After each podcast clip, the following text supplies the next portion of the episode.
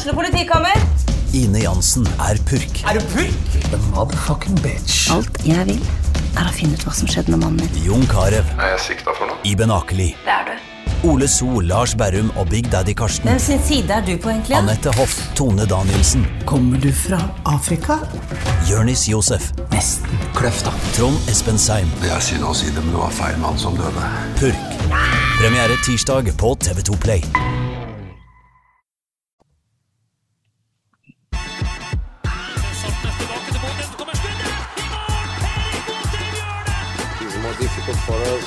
Than for Bodo boys.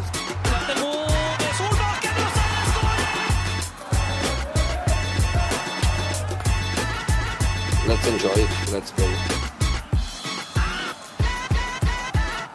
Hallo, hallo, hallo, og hjertelig velkommen skal dere være til endelig en ny utgave av Studio Glimt-podden. Det har vært alt, altfor lenge siden, men nå er vi kraftig tilbake. Og Kjetil Rakkene Sanda vikarierer for en fraværende Markus Rask Jensen. Men ellers er alt som før, med evig unge og evig blide Freddy Thoresen med oss. Velkommen skal du være, Freddy. Takk skal du ha, og evig bli. Det er noe som diskuteres. Du hører, Dere som hører på, dere hører at Freddy er eh, ikke til stede med min side, men du er faktisk eh, over sjø, så å si. Du har flytta deg ut av landet, Freddy. Hvor befinner du deg? I Kasper Junker og Filip Sinkernagel sitt hjemland eh, Danmark. Jeg sitter akkurat nå utafor Herning stasjon og spiller inn podkast i lag med deg. Vi er på farten, rett og slett, eh, i Danmark, der òg Bodø-Glimt har flytta seg til. Eh, Først og fremst, hvorfor er Glimt i Danmark akkurat nå? Og det har jo med at eh, de skal legge nytt kunstgress på uh, Aspmyra. Og det betyr jo at når ferien er over for uh, Glimt-spillerne, så er det ikke noe Aspmyra å trene på. Så eh, da må de finne et annet sted. De kunne reise til Spania, det lot de være. De dro heller til Danmark og fant eh, fine gressbaner å forberede seg på der. Det høres veldig bra ut, så litt sommervarme er det å spore. Vi skal prate litt mer om Glimt i Danmark, eh, status på Glimt akkurat nå. Vi må selvfølgelig òg innom det som har skjedd eh, de siste dagene, for da har eh, det vært trekninger i kvalifiseringen til Champions League, og vi skal òg prate litt om et kommende overgangsvindu. Så det er mye, mye spennende å ta tak i i dag. It's more difficult for us than for Bodo boys. Ja, litt sommervarme er det sikkert sporet, Freddy. Men er det noe varme, og blir du varm av å se på det som Glimt gjør på treningsfeltet i Danmark? Nei, jeg kan så de, de jobber veldig hardt og veldig seriøst og veldig strukturert. Men eh, før avreise til Danmark og etter ankomst Danmark, så innrømte jo alle, både trenere og spillere, at de, de sliter litt uh, spillemessig. De får ikke ting til å flyte. Og så jobber de da med å finne tilbake til sånn som de sjøl ønsker å fremstå i kamp når de skal ut og prestere godt i Eliteserien. Ja, for når Glimt dro til Danmark, så drar de altså med en, eh, en åttendeplass på tabellen i Eliteserien. De har 13 poeng på ni kamper. Det er 11 poeng opp til serieleder Lillestrøm. Eh, Molde har 22 poeng. Altså er det et eh, skadeskutt Glimt-lag som, som dro på treningsleir? Freddy? Ja, et skadeskutt og sykdomsramma Glimt-lag er det jo ingen tvil om. Og når du trekker frem tabellen, som Glimt sjøl egentlig ikke liker å fokusere på, så tenker jo jeg litt mer på avstand ned. Bodø-Glimt har eh, seks poengs forsprang til Jerv, som ligger nest sist. Og det er en del lag imellom de. Så eh, jeg vet da søren om det er lurt å se nedover på tabellen eller oppover på tabellen. Betyr det at du begynner å bli redd for et nedrykk nå i år, altså? Nei, jeg begynner ikke å bli redd for et nedrykk, men eh, jeg liker veldig dårlig at det er seks poeng eh, mellom Jerv og Bodø-Glimt. Det forteller litt om hva Glimt har slitt med i de ni første kampene. Ja, og Hvis du skulle eh, satt opp noen stikkord, hva, hva er det som har gått galt på de første ni kampene i år? Etter min vurdering så har Glimt eh, etter eh, at europacupeventyret var over, så har de levert én god kamp. Det var hjemme i serien mot Vålerenga. 5-1, overbevisende. Så ser vi også at Vålerenga har slitt hele denne sesongen, så kanskje var det ikke Glimt som var så jævla god som vi trodde. Og så var de også gode i kvartfinalen hjemme mot eh, Lillestrøm. Et Lillestrøm-lag som troner på tabelltopp i suveren majestet, som du påpekte. Men det er ikke lenge siden Glimt vant 4-1 eh, på Aspmyra. Han innser jo, eller innrømmer det litt sjøl òg, Kjetil Knutsen. Du har et godt intervju med han ifra fra Danmark, eh, der han egentlig går, han går knallhardt ut. Han, han sier sjøl at eh, de må finne tilbake til Glimts DNA. Ting har fått skli ut over tid. og de de kan finne på både unnskyldninger og bortforklaringer, men nå er de kommet dit at de må røske opp i røttene. Hva mener han når han sier at de må finne tilbake til Glimts DNA? Nei, greia er at de har plaga med ganske mye samtidig. Eh, det har vært eh, fire, fem, seks, syv spillere ute med skade til enhver tid. Det har vært eh, andre spillere som har vært satt ut av spill pga. sykdom. Noe av det har vi påpekt i media, andre ting har vi egentlig ikke visst. At f.eks. kaptein Ulrik Saltnes, som sto over med karantene de første kampene i mai. Når han var tilbake fra karantene, så har han egentlig slitt kontinuerlig med kraftig influensa. og, og egentlig ikke vært i nærheten av å kunne prestere på det nivået han kan når han er i tipp topp slag. Det fikk jeg vite i et intervju med han uh, rett før jeg satte meg utafor uh, togstasjonen her. Så, så det, er, det er mange ting. Og når, så er det ei sliten gruppe mentalt og fysisk som kommer ut av kampene i Europacupen. Så de har jo ikke fått trent så godt som de vil, så hardt som de vil, imellom disse kampene. Det, det handler mer om å, å, være klar til neste kamp i Europa eller neste kamp i serien. Så um, ja, så da har det liksom de her eh, hva man skal si, de punktene, sjekkingpunktene deres som de har til enhver tid, til hver dag på trening, har ikke blitt sjekka ut like nøyaktig, nøyaktig som, det, som det kan på sitt beste med Glimt. Men det er jo en suksessfaktor som de har trukket fram sjøl òg når de har vært på toppglimt. At eh, evnen til å nullsitte, eh, evnen til å ta kamp for kamp eller oppgave for oppgave, har de ikke lykkes like godt med det nå eh, som det de gjorde tidligere? Du kan si Problemet er at det, når du er på en vanlig treningsdag på Aspmyra, sånn som det har vært, så har de i perioder kunnet spilt fire mot fire her nede i Danmark håpa at jeg skulle få se dem eh, kunne trene 11 mot 11. Men eh, i går så trente de 10 mot 10. I dag begynte de 10 mot 10, og til slutt så var det 8 mot 8 utespillere. Altså 16 utespillere tilgjengelig. Og det betyr ikke sant, å gå fra 4 mot 4 til 8 mot 8, så er du fortsatt ikke på 11 mot 11. 11 mot 11, som jeg skulle si.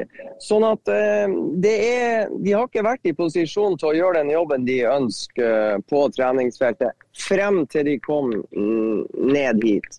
Betyr det at de har vært eh, ekstra uheldige i forhold til forfall av spillere, eller gjøres det ting i treningsarbeidet som gjør at de er ekstra utsatt for, for skader, eller er det noe er det noen slutninger man kan dra på hvorfor det er så mange som er utilgjengelige? Ja, så Glimt og Kjetil Knutsen og trenerne de tyner spillerne godt. Eh, I perioder lykkes de, og de flyter på medgangsbølgen. I andre perioder så kan det være slitasje fysisk som resulterer i skader, og det kan være at man ikke er like på hugget mentalt, og at man blir rett og slett sliten. Og den reisa i Europacupen. Det er en del opplevelser disse Glimt-spillerne skal bearbeide. Det å spille foran 50 000 i Glasgow mot Celtic og vinne 3-1. De rekker ikke å gå gjennom mentalt den opplevelsen de har hatt, før Celtic venter hjemme. Og så vinner de enkelt 2-0 hjemme, og så de, går de videre i Europacupen. Så skal det bearbeides. Så rekker de ikke det, for da venter Alkmaar hjemme, og så vinner de 2-1 der. Og så er det et godt utgangspunkt, og så er det å forberede seg til Alkmaar borte. Så vinner de den på spektakulært vis, med Alfons Samted skårer 2-2 der, og Glimt går videre. Så det her er ting og opplevelser som ingen av de her i Bodø-Glimt har øva på og trent på. Så når de da ryker mot Roma, da går liksom lufta litt ut det mentale. Og så er de sliten fysisk. Og så er de ikke nok spillere tilgjengelig på trening til å bygge opp og gjøre det de eh, Det som er årsaken til at de har hatt suksess i snart tre år sammenhengende. Og Der har du vel den store forskjellen på det å være et lag som spiller i Europa, eh, kontra et lag som kun spiller i hjemlig serie. Og da, da, må du vel være, være klar, og du må vel kunne takle det som det fører med seg. og Det er, ikke, det er vel litt mye å forvente av unggutter som knapt har, har vært i Eliteserien? Ja, det trenger ikke altså Brede Mo har ikke vært med på det her før. Ulrik Saltnes har ikke vært med på det her før. Men hvis du f.eks. Liverpool, Manchester City, Real Madrid, Barcelona, Bayern München De spillerne her har jo gjort det i fem, seks, syv, åtte år. De vet hvordan de skal nullstille, de vet hvordan de skal absorbere de store, spektakulære uh, opplevelsene de har hatt på fotballbanen. Det her må Glimt-spillerne øve på. Det, det, har vært nytt for dem. Ok, La oss nå eh, la det være det om det som har skjedd fram til nå. Nå er det Danmark, eh, det nærmer seg eh, seriekamper igjen, og ikke minst Europa. Er det ting du ser på treningsfeltet nå Freddy, som indikerer at de er tilbake på, i, i godt gammelt slag? Nei, egentlig ikke. Men det som er godt å se, det er det at jeg aner litt mer trøkk litt mer punch, litt mer krefter i, i, sving i dueller og alle situasjoner. Litt mer fokus og litt mer konsentrert. Men eh, det gjenstår bitte litt på, eh, på, holdt på å si, kvaliteten. Og Det er vel gjerne det de har blitt litt arrestert på i de kampene som har vært i Lilleserien. At det mangler på kvalitet. Det er feilpasninger her og feilpasninger der. Eh, så du, du, kan røpe at det, det sitter ikke helt ennå, altså. Nei, men altså de, de, jobber veldig strukturert med veldig mange ting samtidig. Både det går på hvordan opptrer eh, laget når, når eh, Runar Espejord eller Viktor Bonneføy skal være signalspiller i presset høyt. Og så er det hvordan alle de andre brikkene følger på. Hvis, for, for å ta et eksempel. Hvis Ulrik Saltnes støter opp i presset sånn som han skal, så etterlater han seg gjerne et hull bak seg. Hvordan fyller Glimt på for å tette hullet Ulrik etterlater seg? Eller f.eks. høyre indreløper. Hvor er det problemene oppstår? Hvis ikke de her hullene som etterlates, tettes raskt nok, og hvem er det som skal gjøre det? Og det her går jo ekstremt fort når det er spill mot spill. To OK lag mot hverandre. Så det jobbes det med. Ekstremt uh, nøyaktig og seriøst. Og det er, og det er coaching. Trenerne går inn og justerer, justerer, justerer hele veien. I perioder så er det ti sekunder spill, så er det inn og justere igjen. Mm. Og Det er jo eh, særdeles spennende å se inn mot det som kommer nå òg, for da er det Champions League-kvalik som venter. Det skal vi snakke enda mer om. Saltnes tilbake til Bodø, så kommer skuddet! Ja, for det er akkurat uh, trukket kvalifiseringsrunde én og to til Champions League. Bodø-Glimt er eneste laget i Norge som får mulighet til å kvalifisere seg til Europas gjeveste selskap òg denne sesongen her, som i fjor. I fjor så var man ganske uheldig i trekningen, får man vel si, med å trekke Legia Warszawa, og det husker vel de fleste hvordan gikk. Og da var det ned til Conference League for Bodø-Glimt. I år så må man vel si, Freddy, med ganske stort utropstegn, at man har vært litt mer heldig med trekningen? Ja, Du kan si det laget som spilte gruppespill i Conference League for Bodø-Glimt i fjor, de hadde også matcha Legia Warszawa. Så Legia Warszawa var dritheldig som fikk møte Bodø-Glimt på sitt aller verste i går. Nei, i går, sier jeg. I fjor.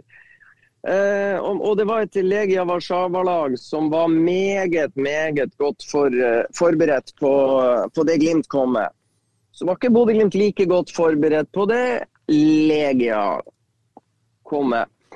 Men uh, i år, når de trekker det beste laget på Færøyene i første runde, og hvis de gjør jobben der, skal møte det beste laget i Nord-Irland og eller det beste laget i Wales, så er det ingen tvil om at det er en drømmetrekning. Absolutt. Bare ta det òg med, med Lege Warszawa, som du sier, Freddy. Som eh, var, vel, var bedre enn Glimt over to kamper i fjor. Eh, men så viser det jo at eh, Legia de kom jo på en, en tiendeplass i, i hjemlig liga i fjor òg, så så bra var ikke det Legia-laget akkurat. Nei, og de, de, møtte Glimt på et ekstremt ugunstig tidspunkt for uh, Glimts del. Ja. Men så er du inne på sjøl, da. Ja, eh, det... ja, det jeg skulle frem til, Kjetil, var at det var et par Ola Solbakken, Sondre Sørli ryker ut med skader akkurat i, det, i forkant av kampene mot, mot Legia. Og Da brukte Glimt litt tid på å få stokka brikkene riktig og få et mest mulig slagkraftig mannskap.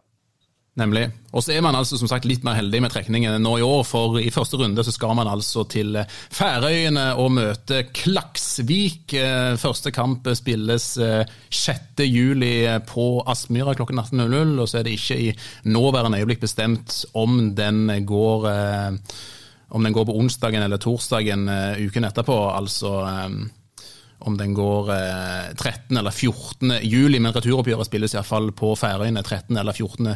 juli. Eh, skal vel være grei skuring for et eh, Glimt i OK form, det, Freddy? Eh, la meg si det sånn. Sånn som Glimt framsto eh, før ferien, så tror jeg fort de kan eh, bli slått ut av Klaksvik. Så eh, Bodø-Glimt må eh, finne, finne tilbake både rytme og form og fremstå mer solid som enhet enn de har gjort frem til nå. Uh, og det har, det har, de jo de her ukene på seg til. De holder på i Danmark, de jobber seriøst, strukturert. De har identifisert uh, utfordringene og problemstillingen de ønsker å løse. Får de kamper mot uh, Kristiansund på lørdag, og så kommer Ålesund etter det. Og så er det vel Mulig det er Sarpsborg 08 også, og så er det da Klaksvik. Og Jeg forventer at det er en bedre utgave av Bodø-Glimt vi får se, og at den er god nok til å slå Klaksvik. Og så er det jo en, en eh, kan jo være fin bananskall. Eh, Klaksvik som er midt i sesong, leder serien. Eh, kjenner vel kunstgress godt, kjenner klimaet godt som, som er i Bodø. Har vel òg en trener som kjenner Glimt spesielt godt òg, Freddy? Ja, Treneren eh, var på besøk på Aspmyra i hel uke og fulgte Bodø-Glimt i 2019-sesongen. Har hatt veldig god dialog med Kjetil Knutsen. Er kanskje færøysk fotballs svar på Kjetil Knutsen. Er veldig nøye på de samme tingene som Knutsen er.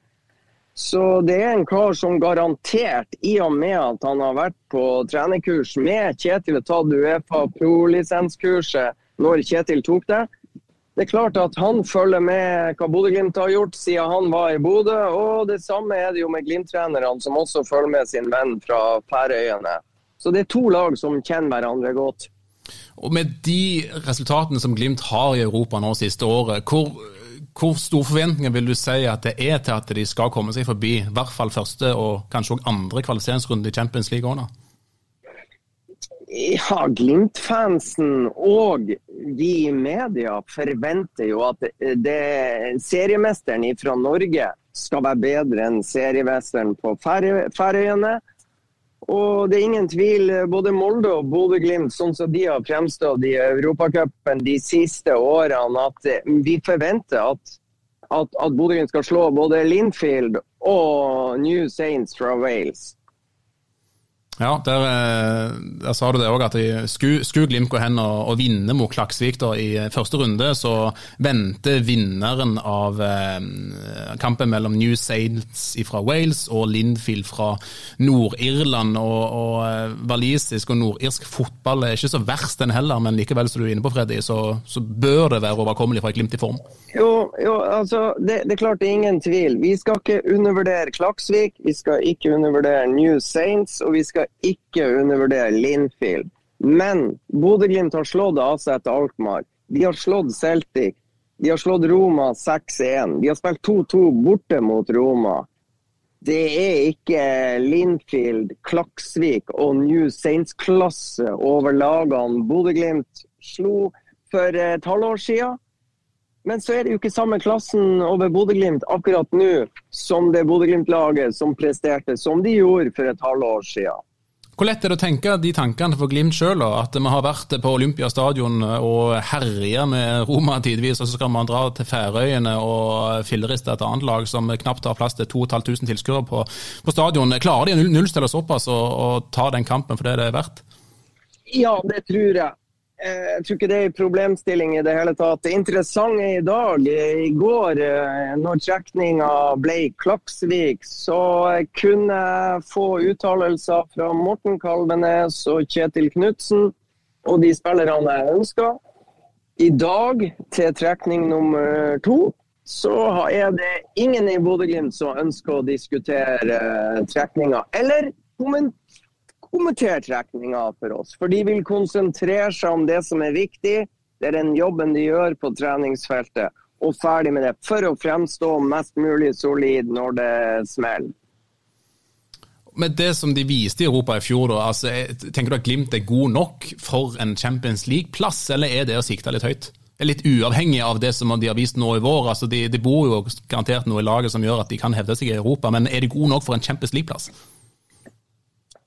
Ja, så Det er jo Glimt sjøl som uh, Det Glimt har prestert i serien frem til nå, uh, er jo ikke godt nok. Men uh, de har fått ei drømmetrekning, og de bør være bedre enn et lag fra Færøyene. Og de bør også være bedre enn seriemesteren fra Nord-Irland og Wales. Men så er det da om å gjøre hvor, hvor god kan årets utgave av Glimt bli, og hvor mye bedre kan de bli de neste ukene i forhold til det de har prestert så langt i serien? Hvis vi setter, setter litt i perspektiv, Freddy, Det er ikke så lenge siden meg og deg sto i laget på en livesending og mimra tilbake til de få europakampene som Glimt hadde. Eh, det var jækla stort å være i kvalifisering til Champions League. Det var jækla stort å møte Milan og gjøre en god kamp mot de, og så har det gått en stund nå der man eh, har de resultatene man har. Uavhengig av hvor, hvor, godt man har prestert i Europa det siste året, hvor, hvor stort er det at, at Glimt har mulighet til å komme til Champions League, og er det en posisjon som de er nå? Det er, jo, det er jo et helt fantastisk utgangspunkt. Altså, i, i fjor ble jo denne mesterligaboosten over egentlig ja, så før det starta. Eh, Legia Warszawa skåra etter tre-fire-fem minutter på Aspmyra. og Glimt stanga litt med ryggen mot veggen. og, og Ikke noe diskreditt til Lasse Nordås, men, men, det er klart som venstre ving, det, det har ikke han forutsetningen til å skinne. og så var det jo en del spillere som virkelig tok steg etter eh, møtene med Legia. Bl.a. Erik, Erik Botheim, som jo ble bedre og bedre og bedre den høsten. Så, så Nei, det er stort, og vi får håpe at eh, denne, det her håpet og, og, og forventningen lever litt lengre enn det gjorde eh, i fjor. For det er vel et poeng også at man må ha med seg perspektivet at uh, å ha et lag i Bodø som kjemper plass i Europa, det er, det er fortsatt stort hvis du setter litt perspektiv?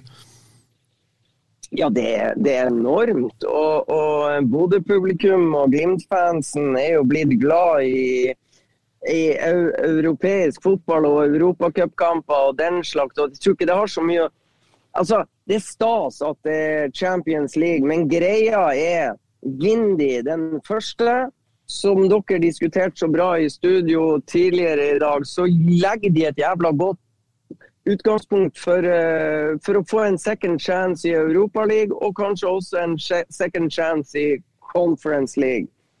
Så jeg tror om det blir gruppespill i Mesterligaen, Europa League eller Conference League, tror jeg ikke har så mye å si, bare det blir gruppespill.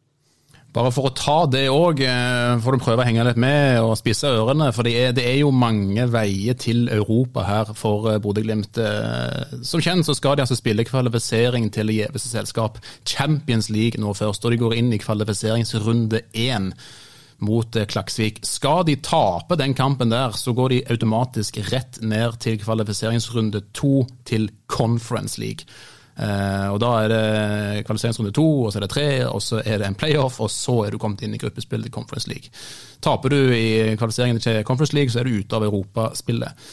Men skulle du altså vinne kvalifiseringsrunde én til Champions League, så går du naturligvis eh, nok videre til kvalifiseringsrunde to til Champions League. Og skulle du vinne den, da er du garantert en plass i playoffen i Europaligaen.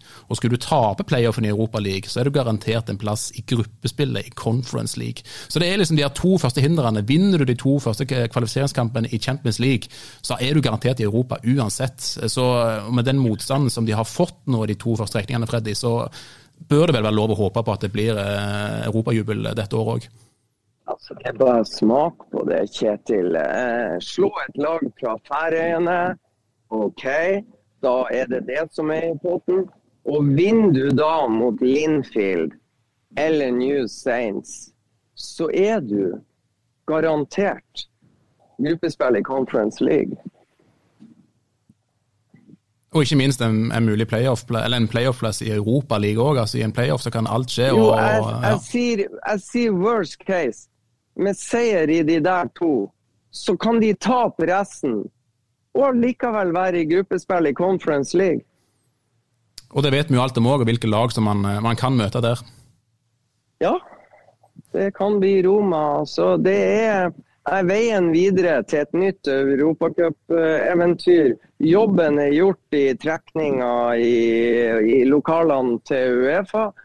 Så det, har da Bodø-Glimt en jobb å gjøre i, på treningsfeltet for å fremstå mest mulig slagkraftig og, og, og så kraftfull i alle spillets faser som det Bodø-Glimt ønsker. Så er det jo et spørsmål mange stiller seg da. Hvem skal kjempe for Bodø-Glimt i Europa? Har de mannskapet de trenger, eller må de gjøre noen nysigneringer? Det får vi se. Slapp det mot! For det er altså et overgangsvindu som er på trappene, Freddy. Sommervinduet i internasjonal fotball eh, åpner vel 1.7, og eh, vi har vel en del spillere i Glimt som er på utgående kontrakt òg, som eh, nå kan prate med hvilke klubber som helst. For å ta det først, hvilke spillere er det som er på utgående kontrakt nå? Ja, De som er viktigst å nevne, Olav Solbakken, Nikita Haikin, Eh, Amahl Pellegrino og eh, Alfons Samsted. Og selv om de eh, er på utgående kontrakt, så kan de jo likevel bli solgt i sommervinduet. Og en det har blitt knytta masse spekulasjoner rundt i det siste, det er jo Ola Solbakken. Liten saga der, Freddy. Først så går den anerkjente fotballjournalisten kan hete Fabricio Romano, er det det? Bare vent litt. Ja, Fabrizio Romano som går ut og så eh, melder, på, eh, melder, på, Twitter. Eh, anerkjente Romano som eh, ja, bruker vel å treffe på det aller meste og er særdeles troverdig. Han melder altså at det skal være samtaler mellom Roma og eh, Ola Solbakken. Men så går agenten Ola Solbakken ut i etterkant og sier nei, det har ikke vært kontakt i det hele tatt. Dette er direkte feil. Hva skal, man, eh, hva skal man tro, Freddy? Hva skal man tro om, om situasjonen eh, Roma versus Solbakken? Nei, det er ikke så godt å si. Jeg skal prate med Ola Solbakken eh, om, når vi er ferdige å spille inn denne podkasten, da får jeg vite litt mer. Men, men jeg tror agenten til Olav Solbakken går ut og avviser at det der er riktig. Så, så jeg velger jo å tro at de, at de snakker sant. Men det blir lettere for meg å svare når jeg har fått prata med Ola litt senere i dag.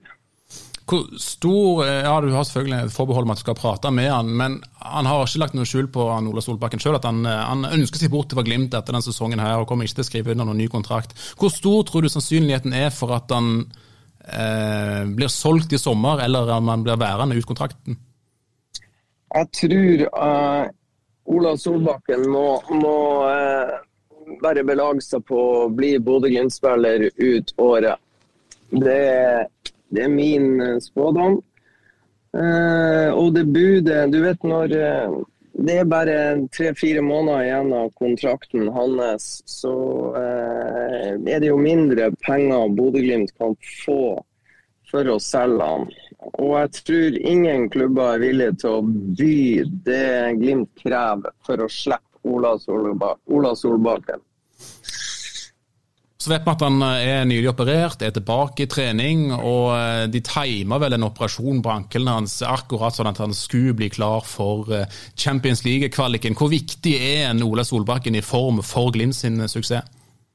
Jeg tror en Ola Solbakken er en av de viktigste brikkene som gjør at vi skal tro at Glimt kommer på kort tid å fremstå bedre enn de gjorde før fotballferien.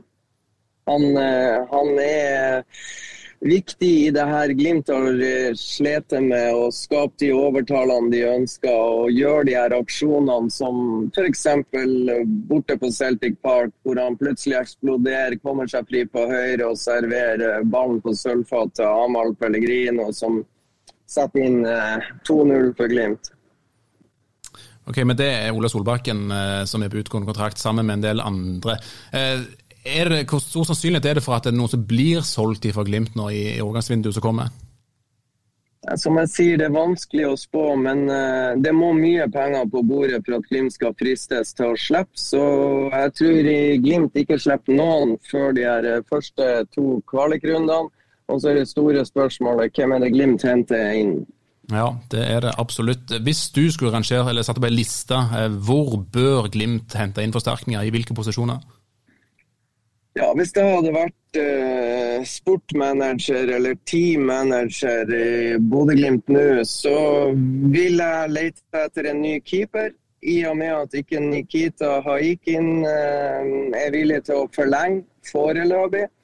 Jeg ville henta ny uh, høyreback, jeg ville henta ny venstreback. Bl.a. fordi at uh, Alfons Samsted ikke har gitt signaler om at han vil forlenge. Og når både høyreving og venstreving er på utgående kontrakt, så vil jeg også lete etter kantspillere. Er det en jobb som Glimt gjør nå? Hva vet du om det? Hvem, hvem jakter de på, og hvor er de i samtaler? Jo, jeg tror jo at i alle de her posisjonene så tror jeg Glimt leter etter den type spillere før forrige overgangsvindu ble stengt. Og jeg tror den jobben har pågått siden forrige overgangsvindu ble stengt. Og så får vi se om de lykkes bedre da når dette overgangsvinduet åpner. Så er spørsmålet da, Leter man eh, i, i hjemlig liga, leter man i utlandet? Vet du om det er konkrete navn det jobbes med? Nei, altså Glimt holder kortene tett.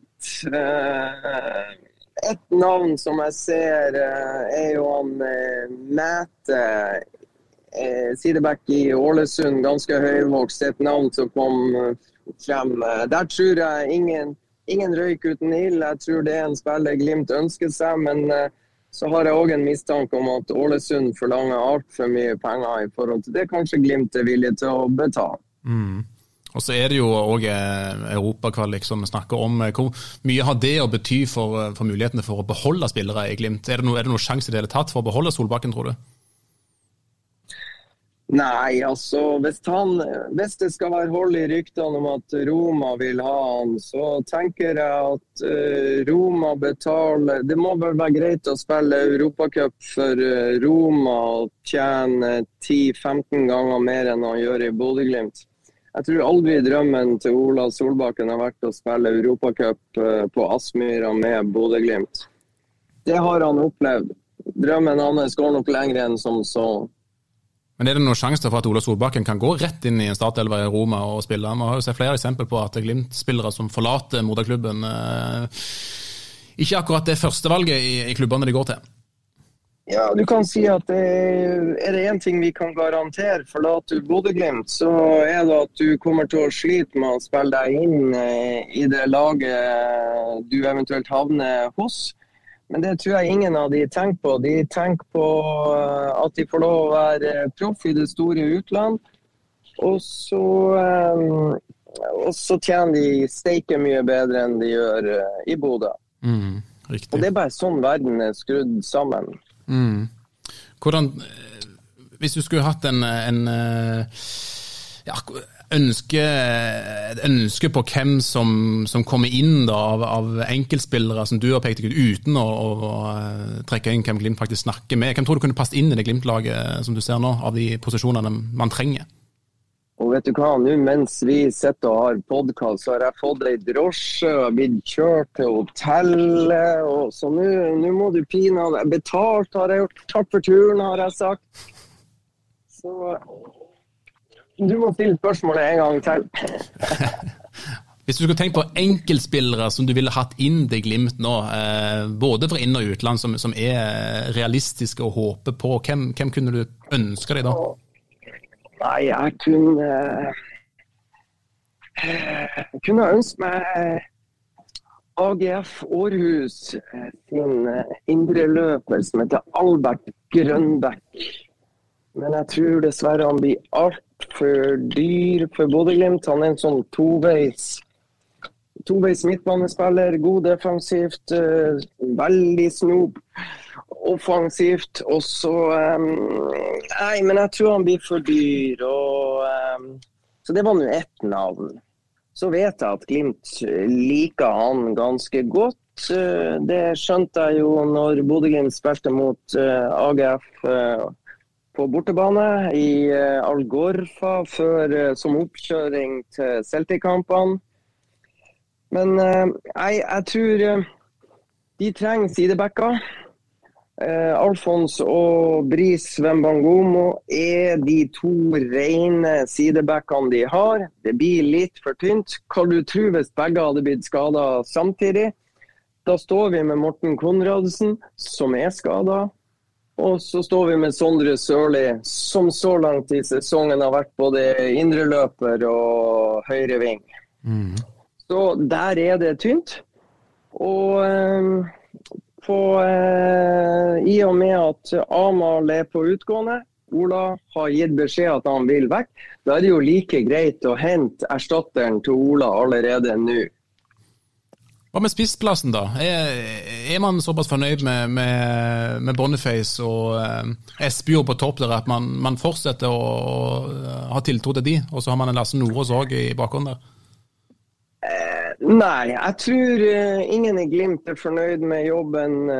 Eller er, er ja, ing, ikke fornøyd. Jeg tror, jeg tror de skulle ønska bedre prestasjoner både av Runar Espejord og Victor Boniface. Og så tror jeg litt det her overgang, overgangsvinduet og de vurderingene de gjør. For å ta et eksempel. Hvis en spiss blir identifisert, og prisen er fornuftig, så tror jeg kanskje at en spiss kan bli henta. Men da er det litt sånn tilfeldighetene i de forhandlingene som da pågår. Så, så det, det, jeg vet, det snakka jeg med Kjetil om uh, i det intervjuet bl.a. som Eller i forbindelse med det intervjuet som ble gjort. Så, så sier han han vil ha inn nye spillere, men han er ikke villig til å være med på at Bodø-Glimt som klubb skal betale overpris bare fordi at uh, motstanderklubber eller selgende klubb tror Glimt har mer penger enn de faktisk har. Men en spiller også som, eh, som har sett herje nå i det siste, eh, senest for eller ja, egentlig på, på, landslaget, i og med at han ikke har klubb. Erik Botheim, som skjøt U21-landslaget til, til, Norge til EM nylig, har fortsatt ingen klubb as we speak. Hvor aktuelt tror du at det er at han kommer tilbake til Glimt? Nei, jeg tror ikke det Jeg tror det er null sjanse for at han havna tilbake i Bodø-Glimt. Hadde han villa til Bodø-Glimt, så kunne han ha kommet fra dag én etter at han kom tilbake fra Russland. Han valgte å si nei. Han valgte å trene for seg sjøl i Oslo. Det er godt nok til å skåre 2-1-målet mot Aserbajdsjan og sende U21-landslaget til EM-sluttspill så han eh, har nok staka ut kursen til en eller annen klubb eh, ute i den store verden. Så blir det jo spennende å se hvilken klubb eh, agent Jim Solbakken har lina opp til Botheim. Hvor lenge er det forsvarlig for han å vente før han finner seg en klubb? Kan han gå mange mange uker til uten å, å finne seg noe? Ja, så eh, Man kan spørre eh, hvor forsvarlig det var å la være å signere for noen klubb. Han kunne ha signert for en norsk klubb for å holde seg i form, spille kamper, være i konkurransesituasjon. Han valgte å la være. Jeg tror det kommer til å gå bra uansett. Og så skulle jeg ønske han gjorde som mange av de svenske, som fant seg en klubb i Allsvenskan og, og leverer godt der, og har gjort det fra dag én etter at de forlot uh, Russland. Men det her er jo uh, strategien til Erik Botheim og Jim Solbakken. Og de kan jo helt sikkert de her tingene bedre enn det jeg kan. Mm.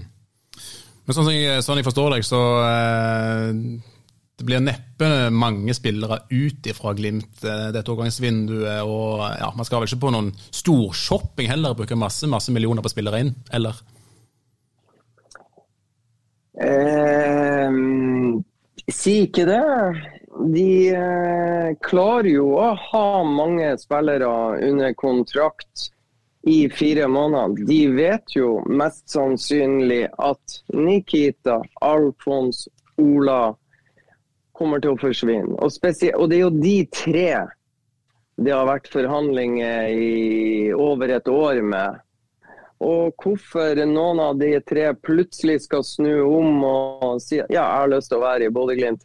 Ja, jeg tviler. Eh, og da, eh, da, er det hva er det som er tilgjengelig nå. Og er det brikker som faller på plass, så tror jeg Glimt kjøper. Så tror jeg egentlig ikke de er superfornøyd med den jobben som ble gjort i forrige overgangsvindu. Det skal uansett bli særdeles spennende å se. se. Det går eh, mot uh, slutten av denne podkasten. Uh, vi gleder oss Freddy, til serien å starte igjen, og ikke minst til Europa går i gang. Jeg skal minne om at Avisa Nordland har rettighetene til hjemmekampene i kvalifiseringen til Europa. Og så forhandles det om bortekampene løpende, så vi får satse på at vi får rettighetene til de Eh, i år òg. Er du klar Freddy, for europaeventyret igjen? Har du tro og er trygg på at det, det går bra denne gangen òg? Jeg er veldig spent. og jeg synes det, det, er utrolig fascinerende å stå på treningsfeltet her i Vilbjerg, som Glimt uh, trener, øver, jobber. Jeg var litt negativ i begynnelsen av podkasten, men det er fordi at jeg, jeg, skulle ønske at det var litt flere folk uh, til stede som, som, som fikk være med i den daglige jobben, og ikke minst de her spillsekvensene som er siste halvtimen av treningen. For det er der på en måte grunnlaget legges. Og jeg skulle ønske at Sondre Brunstad Fet var på og tok del i den delen av treningen. Det kan han ikke pga. skade. Sammen med Morten Ågnes, Ågnes Konradsen. Men så ser vi da at Ola Solbakken er med, at Gaute Vetti er tilbake, og eh, var det en til her eh, or, eh, Anders Ågnes, Ågnes Konradsen er med og logger inn denne treningsøktene som må til for å få, få litt mer snert i stegene. Men bare for å spurt om det, det er altså for å nok spillere på trening til å spille 11 mot 11. Hvorfor kan man ikke bare ta opp folk fra rekruttlaget for å bli fulltallig der? Har du sett resultatene til rekruttlaget? Men poenget er vel at man skal få en ekstra spiller, eller er de, er de ikke gode nok, rett og slett? Nei, altså jeg vet de, For det første så er ikke rekruttlaget her på treningsleir i Danmark. Så, så, så enkelt er det ikke. Så kan jeg ta rekruttlaget. Fredrik Sjøvold og eh, Isak Helstad Amundsen spilte de tre første kampene i serien. Glimt 2 vant dem. Morten Ågnes Konradsen spilte én omgang. Og så var det én A-lagsspiller til. Ask Kjerransen Skau spilte én omgang. Etter det så har ingen fra A-troppen vært med. Og eh, B-laget til Bodø-Glimt har vel fem eller seks tap på de sju siste kampene. Så eh, nivået Nivåforskjellen er, er stor, høy. Og, og, klart, hadde de trent i Bodø, så hadde det jo vært greit å ta opp en B-spiller eller to for å kunne spille ti mot ti Men så enkelt er det ikke når man er i, i Danmark. Det er helt, helt klart. Nei, nei og, og, og, det er klart trenerne hadde jo også ønska at uh, det skulle være litt flere tilgjengelig. Og rett før jeg kom her i podkasten, så snakka jeg med Ulrik, og han sier jo at dessverre er det en fire-fem mann som ikke er med. Jaffet Seri Larsen spilte U21-kamp for Danmark i går. Hugo Vetlesen kom inn på U21-kamp for Norge også i går. De skulle gjerne ha vært der og øva. De får da ei trening på fredag i Kristiansund. Så Nei, så det Og ikke sant, eh, Morten Kohn og, og Sondre Brunstad Fet skulle gjerne ha vært her. De er ikke sånn i fullt drive. Så det er sånn det, Jeg skulle ønske det hadde vært litt lengre. Men eh, kanskje om tre uker så er alle good to go. Da får vi se hva det holder til. Bare for å ta det òg, når vi først åpner denne boksen der, Freddy. Bodø-Glimt 2, eh, som spiller i tredjedivisjon, ligger i eh, nåværende stund på tiendeplass med ti poeng. Kun tre poeng foran nyopprykka Innstranda fra Bodø. Så det er langt opp til Junkeren på topp, som har 28 poeng. Så har vi tatt det. Veldig bra. Ja. Da tenker vi får eh, la det være siste ord i dag, Freddy. Eh, takk for at du var med. God tur til Kristiansund, etter hvert hjem til Bodø. Og tusen takk for du som hørte på. Jeg heter Kjetil Rakkene Sanda, vi hadde Freddy Thoresen med oss. Ha en nydelig dag. Ha det bra.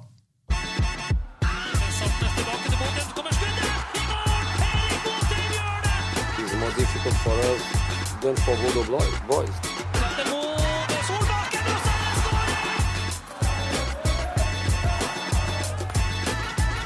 Let's enjoy it. Let's go.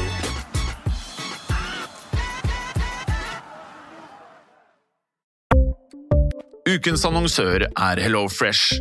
HelloFresh er verdens ledende matkasseleverandør og kan være redningen i en travel hverdag. Mange av oss har nok vandret i butikken både sultne og uten en plan for middagen, som ender med at vi går for de samme kjedelige rettene gang på gang.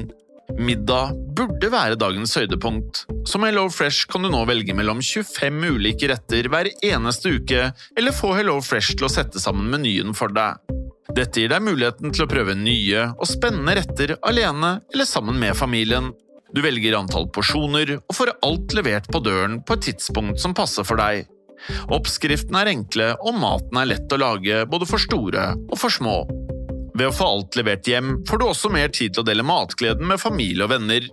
Kanskje det frister med asiatiske tacos eller greskinspirert kylling? Da kan jeg anbefale deg om å gå inn på hellofresh.no. Her kan du bruke koden FOTBALL og få opptil 1779 kroner i rabatt på de første fem matkastene hvis du ikke har prøvd HelloFresh tidligere. Du kan også bruke rabatten hvis du har vært kunde og stoppet abonnementet ditt for tolv måneder siden eller lengre. Gå inn på hellofresh.no og bruk koden FOTBALL. Har du et enkeltpersonforetak eller en liten bedrift? Da er du sikkert lei av å høre meg snakke om hvor enkelt det er med kvitteringer og bilag i fiken, så vi eh, gir oss her, vi. Fordi vi liker enkelt. Fiken superenkelt regnskap.